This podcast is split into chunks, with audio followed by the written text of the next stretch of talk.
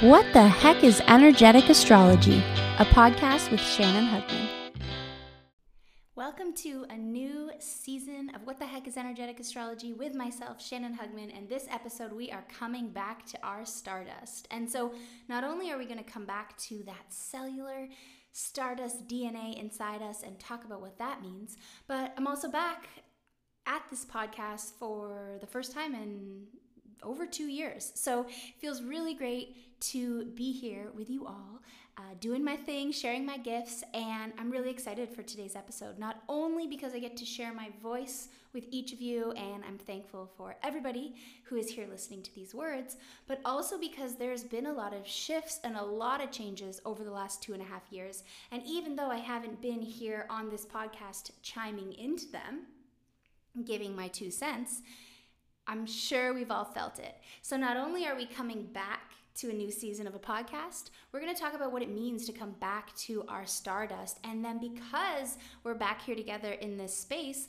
we're going to explore the celestial cycles that have unfolded over these last two and a half years and turn our focus on what's to come. Because right now, at this point in time, and really the whole of 2023, is this turning point. There's a new surge of energy coming in, but in order to look forward, we all often have to look back. And it's a really great time to just gain a little bit of context on the past two and a half years. But doing so, as we move forward again, I'm going to talk about what's been going on, where we're headed. But underneath of all of that, I want to open this season by talking about how my work has shifted and how I perceive myself and how I perceive myself in relation to each of you as listeners and how I want to show up and serve not only my audience, but my people, fellow humans, all of humanity, the collective. Hey, we could even go far out and say how we, let's let's show up and serve the universe, the galaxy, the solar system. We can take it as big as we want. But essentially, if you've been following along with me, I've been doing this work now. This is my 13th year working as an astrologer. And as I look back, I really have seen and noticed within myself and enjoyed the experience of shifting away from traditional technical astrology into a more embodied approach to living life with an energetic awareness. It's this embodiment of our own DNA. The stars literally exist inside us. What the, the elements that make up your body match the night sky, match those twinkling shooting stars we see out there. We're made of the same carbon, we're made of the same elements, and essentially we all come from some some same place. So as we get into the next year, into the next couple years, we're really getting a dose of this next level awareness of ourselves in relation to what's around us.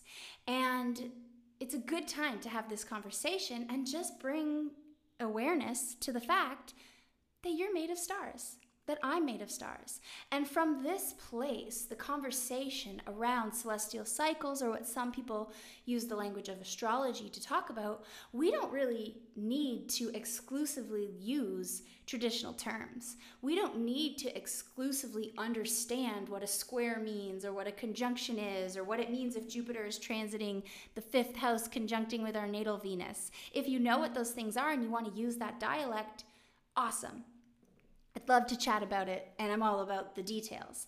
However, I see this shift occurring within myself, but within also the people around me and the conversations that I'm witnessing, where we don't need that those traditional language anymore.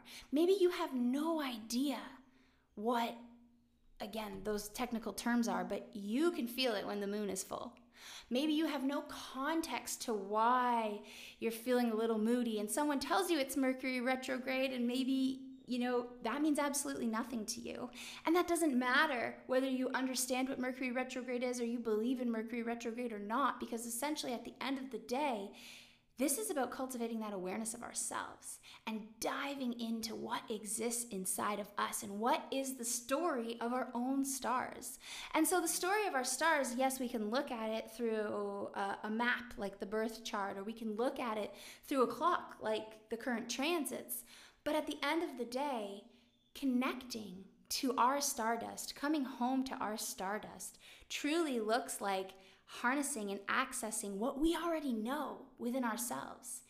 And this is now the next chapter of humanity's evolution is saying you don't need a mentor, you don't need a teacher. Um, I will add, like a side note to that, of course, we want mentors and we want teachers and we can benefit from support. And this isn't necessarily about doing it alone. What I mean by that is more, you don't have to follow someone else's forecast. You don't have to follow someone else's lead. You can read the weather yourself. We're turning off the TV, we're turning off the weather station, and we're going outside and we're feeling the rain on our own skin. And so, as we enter into season three, I believe this is, this new season back here in 2023, after being on hiatus since 2020, I'm coming at it from this lens more than maybe ever before. And so that's how I've shifted in my world is not exclusively talking about these celestial bodies and these celestial cycles as external clocks, external timelines, or screens that we're watching something play out on, but instead we are the players. We are the moon, we are the sun, we are the cosmos, and we are experiencing the story as the main character. So it's it goes without saying that imagining that we are stardust and we're glittery a glittery embodiment of the stars is exciting. But it also goes without saying it changes the way we move through the world.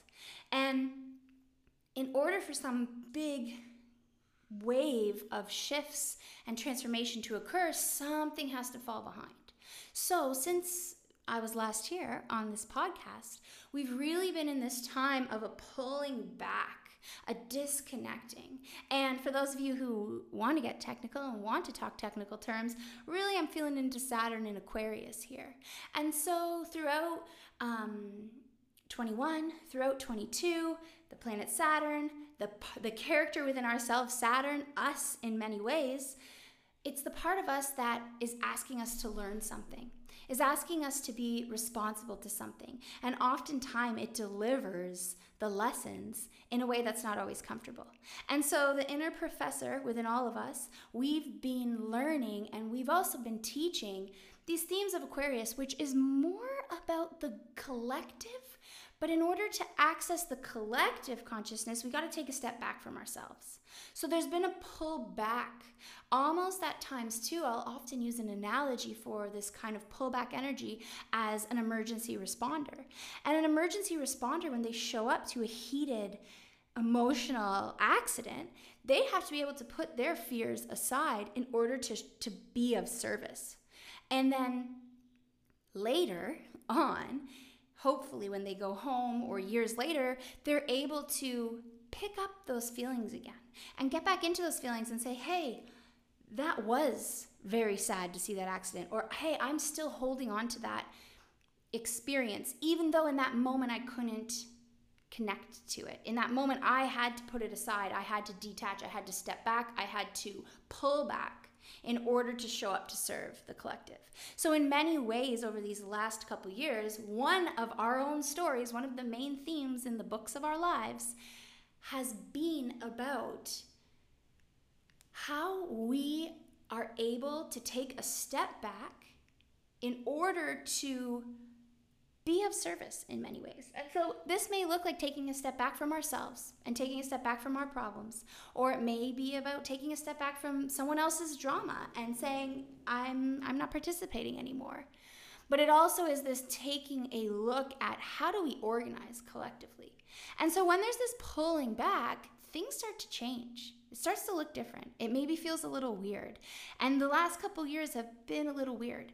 And I want to use an example, um, the analogy, because when we're talking about stardust and we're coming home to our stardust, one of the most potent ways to express this energy is through imagery, through symbols, through analogies. And if you've been following along with me for many years, you know that is my language of choice beyond maybe technical terms. And if you're new here and you're a new listener, welcome um, to this experience of talking about these celestial cycles that are occurring within us through metaphor, symbolism, and analogy. And so the symbolism, the analogy I want to use is a tsunami. And so I was recently talking with someone about tsunamis, and I learned that when a tsunami is coming, before the tsunami, the ocean pulls back. And it makes sense because a tsunami is a massive wave, and so the water in the ocean is pulled to a certain direction before it, you know, it comes back around. And so in this past 3 years, I'm going to say just to bookend it. Maybe it's shorter for you, maybe it's longer, but we'll say in general, the last three years, this pulling back, this detaching, this having to kind of step outside ourselves to take a look at the collective or take a look at how we can serve not only others but also ourselves, which also at times can be like a cold energy, right? It's not an overly emotional time. Doesn't mean that we don't have to walk through our emotions in order to process them and move away from them. So, you know, there's also other cycles that have been unfolding as well that have been pretty moody. Um, so I'm not saying there hasn't been there our fair share of emotions over these last three years. But this one aspect about this tsunami is we've had this pull back. And even though it can feel like maybe there is some space, or in this example, the beach is really big and it's really wide and there's an emptiness here, and where did all the water go? And when is it coming back? it's still there. It's just been shifted around, it's just been moved, and it's preparing for its return. And so, in this pulling back in recent years, it could feel like it almost I almost feel it like there may be a sense of loss or a sense of lack or a sense of something's missing or something's not here or something's not right. And maybe even there's a desire to kind of go back to the way it was when the shoreline was normal and the shoreline was along, you know, the same line that it always is. And maybe, you know, you just wish you could go back to just a normal low tide or a normal high tide. And the positive part of where we're heading into this next cycle, which again, for the techies out there, it's Saturn moving through Pisces, is the waters returning. And there's this sense of it's always been here, it didn't go anywhere, it was just reorganized. So, this can look like a sense of optimism returning. This could look like something that you've missed coming back your way.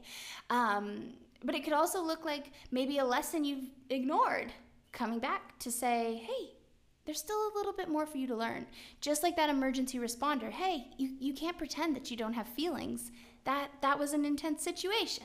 And so it's not necessarily a fear-based experience. It's not a negative experience. It's a recovering. It's a equalizing.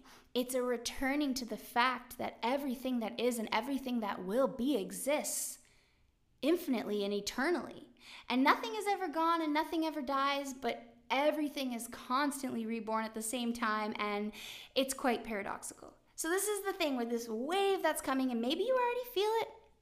Maybe you're one of those people who have the alert or you've got the spidey senses and you can perceive something before it comes, but there's this waves coming back, and it's a return to that stardust. It's a return to yourself. It's a return to this essence inside of you. And in many ways, this washing forward, this energy that's coming, one, it, it, and I mean this in an empowering way, it can't be stopped. And when something can't be stopped, that means your dreams, they're coming into manifestation. It means that love you're longing for, it's on its way. It's it's this momentum that's occurring that is benefiting us in a way that is beyond what our logical mind perceives. So maybe there's something in your life and you can feel it and you know there's potential, but you just can't figure out how to get there. Or maybe there's a frustration or a problem and all you want is that peace to come back into your life. And this time is a time of really, you can't stop the wave, but you can surf it or you can ride it. Um, and I also realize that a tsunami is a dangerous energy, um, and I don't necessarily feel like I want to kind of add. I don't perceive this energy as necessarily a dangerous tsunami is like a, a pretty extreme analogy, but it's more that this energy is returning, that what was pulled back, the space that we made, there's a newness coming to fill it. And only we can embody it. And that's where it comes back to coming back to our stardust, coming back into ourselves, because that's where the waves are happening. These aren't necessarily waves that are happening in an external way, although, of course, in time it can manifest that way. Imagine like a massive galactic wave of light is crashing through every cell of your body, and you'll be close to understanding in a logical perspective the capacity of this energy. And so instead of thinking about this tsunami as something happening to us outside, what if it's this wave of reference and returning of our own essence, our own stardust? We reclaim it, we take it, we move forward in the world as a beam, as a vibration, as a candle that can light a million flames. So this is an invitation to tap in to that stardust inside of you to listen to your essence, to trust your intuition, but more importantly than anything I've said up and to date, up in this podcast, is to just know that you're made of stars. And just like you would go out and look at the night sky, look at yourself, look within inside yourself, and understand that you are so beautiful. You are expansive. You are unique. You are magical. You know, you're all the things but you're also the darkness. And the stars wouldn't be able to shine if we didn't have the dark night sky as its landscape. So keep in mind that some of these spaces within us that we trickle into, maybe we tiptoe there because they're not super comfortable, are also the background for our, bright, our brightest and most brilliant moments. So, thank you for listening to this episode. I'll be back uh, bi weekly with more content for you. And I also invite you to come over to shannonhugman.com, which is my hub, my home base on the internet. And from there, you can see what's happening with my Substack newsletter. So I write frequently on my Substack newsletter, and I'm also creating video content there as well. So if you want to see my face, um, I would love to share it with you, and you can do that at shannonhugman.com, where you can also book one on one sessions. My calendar is open, uh, and one on one is my favorite way to connect with each of you. And I'm so grateful for all of you who have stuck with me over these last years and years. And the newbies here, welcome. Thank you for being here. And I will see you soon.